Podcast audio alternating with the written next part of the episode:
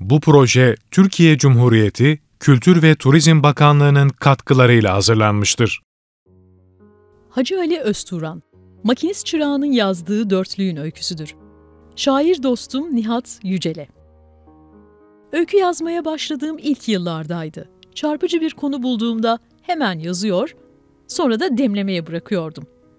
Bahattin Karakoç, Şevket Bulut gibi yaşça bizden büyük ve çalıştıkları konuda usta olan abilerimizin salık verdiği bir teknikti bu demleme olayı. Önce öyküyü çala kalem yazıyordum. Aynı gün ya da bir sonraki gün öyküyü gözden geçirerek cümlelerdeki aksaklıkları gideriyordum. Sonra bir hafta, on gün kadar öyküyü bir yana bırakarak aklımdan çıkarıyordum. İşte buna demleme diyorduk. Bu demleme sırasında kimi zaman öyküyü nasıl yazdığımı bile unutuyordum. Bir hafta, on gün sonra ne yazmışım acaba diyerek öyküyü okuduğumda kendi öykümü değil, bir başkasının öyküsünü okuyormuş gibi yansız olabiliyordum. O zaman yazdıklarımın elle tutar yanı varsa bir daha bir daha yazarak işçiliğimi arttırmaya çalışıyordum. Yazdıklarımın beş para etmez olduğuna inanırsam yırtar, çöpe atardım ama kesinlikle umutsuzluğa düşmezdim. Her zaman için kendimi daha iyisini yazmaya hazırlardım. İşte o yıllardaydı. Bir öğle sonrası Trabzon Caddesi'nde Nihat'a rastladım. Nihat ortaokuldan beri şiirin peşini bırakmayan biridir. Beğenilen şiirleri vardır. Ayaküstü selamlaşıp hal hatır sorduk. Ozanlar, yazarlar karşılaştıklarında ne var ne yok, yeni bir şey var mı demeden edemez.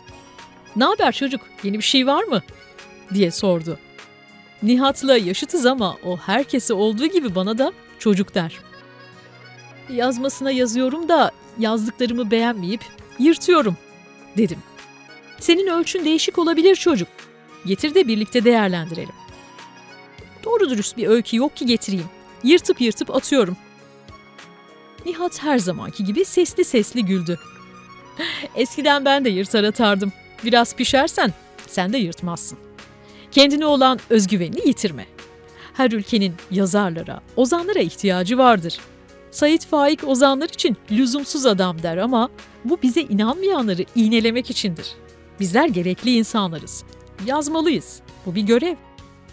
Yazdıklarını beğenmeyebilirsin. Aslında bu da bir erdem. Kişilerin kendi kendilerine öz eleştiri yapmaları çok güzel bir şey. Gel şurada birer bardak çay içelim. Koluma girdi, fotosporun biraz aşağısında küçük çayhaneye götürdü.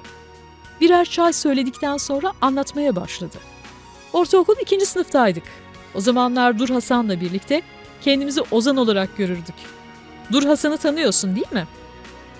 Biz Ozan'la kendimizi o kadar kaptırmıştık ki dil bilgisi kuralları, Türkçe dersleri vız geliyordu. Türkçe dersi olduğu gün okuldan kaçıyorduk. Şimdi yapar mıyız? O yıl Türkçeden sınıfta kaldık.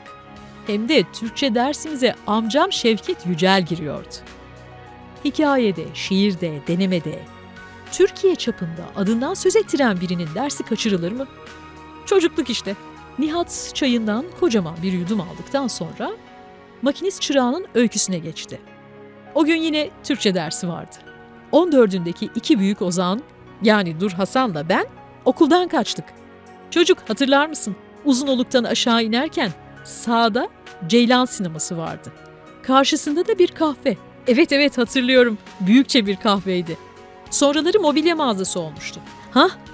Orası işte. Dur Hasan'la daldık içeriye. Çaylarımızı söyledik.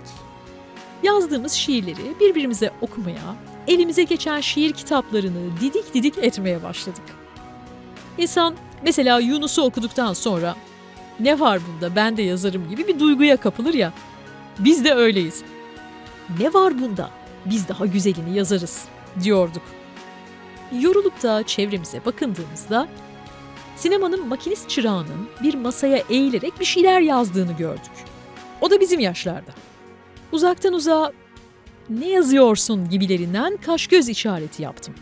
Kısık sesle sevgilime mektup yazıyorum dedi. Şiirde yazdın mı? Dedim. Benimki de laf sanki. İnsan 14'ünde sevdalanır. Sevgilisine mektup yazar da. Mektup yazdım acele, al eline hecele. mektup benim vekilim, al koynuna gecele gibilerinden bir dörtlük kondurmaz mı? Sevgilisini birkaç gün önce görememişse, elbisemin filizi, kim bilir kalbimizi, esti bir acı rüzgar, ayırdı ikimizi diye yakınmaz mı? Biz asker milleti olduğumuz kadar da aşık milletiz çocuk. Şiirsiz edemeyiz. Ağıtımızda, yollamamızda, kına değirmemizde, düğünümüzde şiirlidir. Neyse, makinist çırağı benim soruma bir dörtlük yazdım, yeter dedi. İşaret parmağımı birkaç kez ikiye katlayarak makinist çırağını masamıza çağırdım. Geldi, oturdu. Büyük Ozan pozlarındaydım. Yazdığı mektubu aldım, Dur Hasan'la kağıdın üzerine ağaç oymacıları gibi eğildik. Dizelerde bir çarpıklık varsa düzelteceğiz ya da yeniden yazacağız. Öyle ya biz ozanız, hem de büyük ozanlarız. Nihat çayından üst üste iki yudum daha aldıktan sonra kaldığı yerden sürdürdü öyküyü. Dediğim gibi makinist çırağı yalnızca bir dörtlük yazmıştı ve gerçekten de başka dörtlük yazmasına gerek yoktu. Güzelsin sevdiğim o kadar güzel. Hiç kimse olamaz bu kadar güzel. Çöllerde yaralı garip ceylanın eğilip içtiği su kadar güzel. Allah Allah diye hayranlığımı açığa vurdum. Bedri Rahmi'nin dizelerini anımsamıştım. Ben şiirin hasını ayak seslerinden tanırım. Nerede bir köy türküsü duysam şairliğimden utanırım. Makinist çırağının sevgilisine yazdığı şiirin ayak sesleri Bedri Rahmilerin kulağına göreydi. Çöldeki su kaynağından eğilip içen yaralı ve ürkek ceylan tablosu o kadar güzel çizilmişti ki bu dörtlüye şapka çıkarılırdı. Çöldeki yaralı ceylan için suyun güzelliğini ve sevgilinin bu suyla kıyaslanmasını bir ozan ancak bu kadar güzel anlatabilirdi. Bunu o çocuk mu yazmış diye kuşkumu belirttim. Ya başkasından almışsa? Nihat kara gözlerine gözlerimi dikmiş, dörtlüğün bendeki etkisini ölçmeye çalışıyordu. Bir zaman öylece bakıştık. Sonra konuşmasını sürdürdü. O çocuk yazmış. Bu dörtlük çok usta bir ozanca yazılmış olsaydı, çöllerde yaralı garip ceylanın demezdi Y harflerinin aliterasyonundan yararlanmak için çöllerde yaralı yavru ceylanın derdi. Bence dörtlüğün sahibi ozanlık eğitimi almamış biri. Ayrıca bugüne kadar yayımlanmış bütün şiir kitaplarını aldım ve okudum. Bu dörtlüğe rastlamadım. Dur Hasan'la ben dut yemiş bülbül gibi olduk.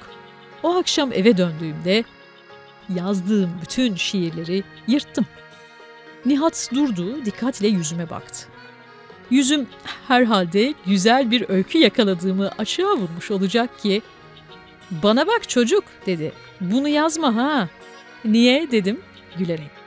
''Ben yazacağım.'' Karşı çıktım. ''Bak Nihat'' dedim.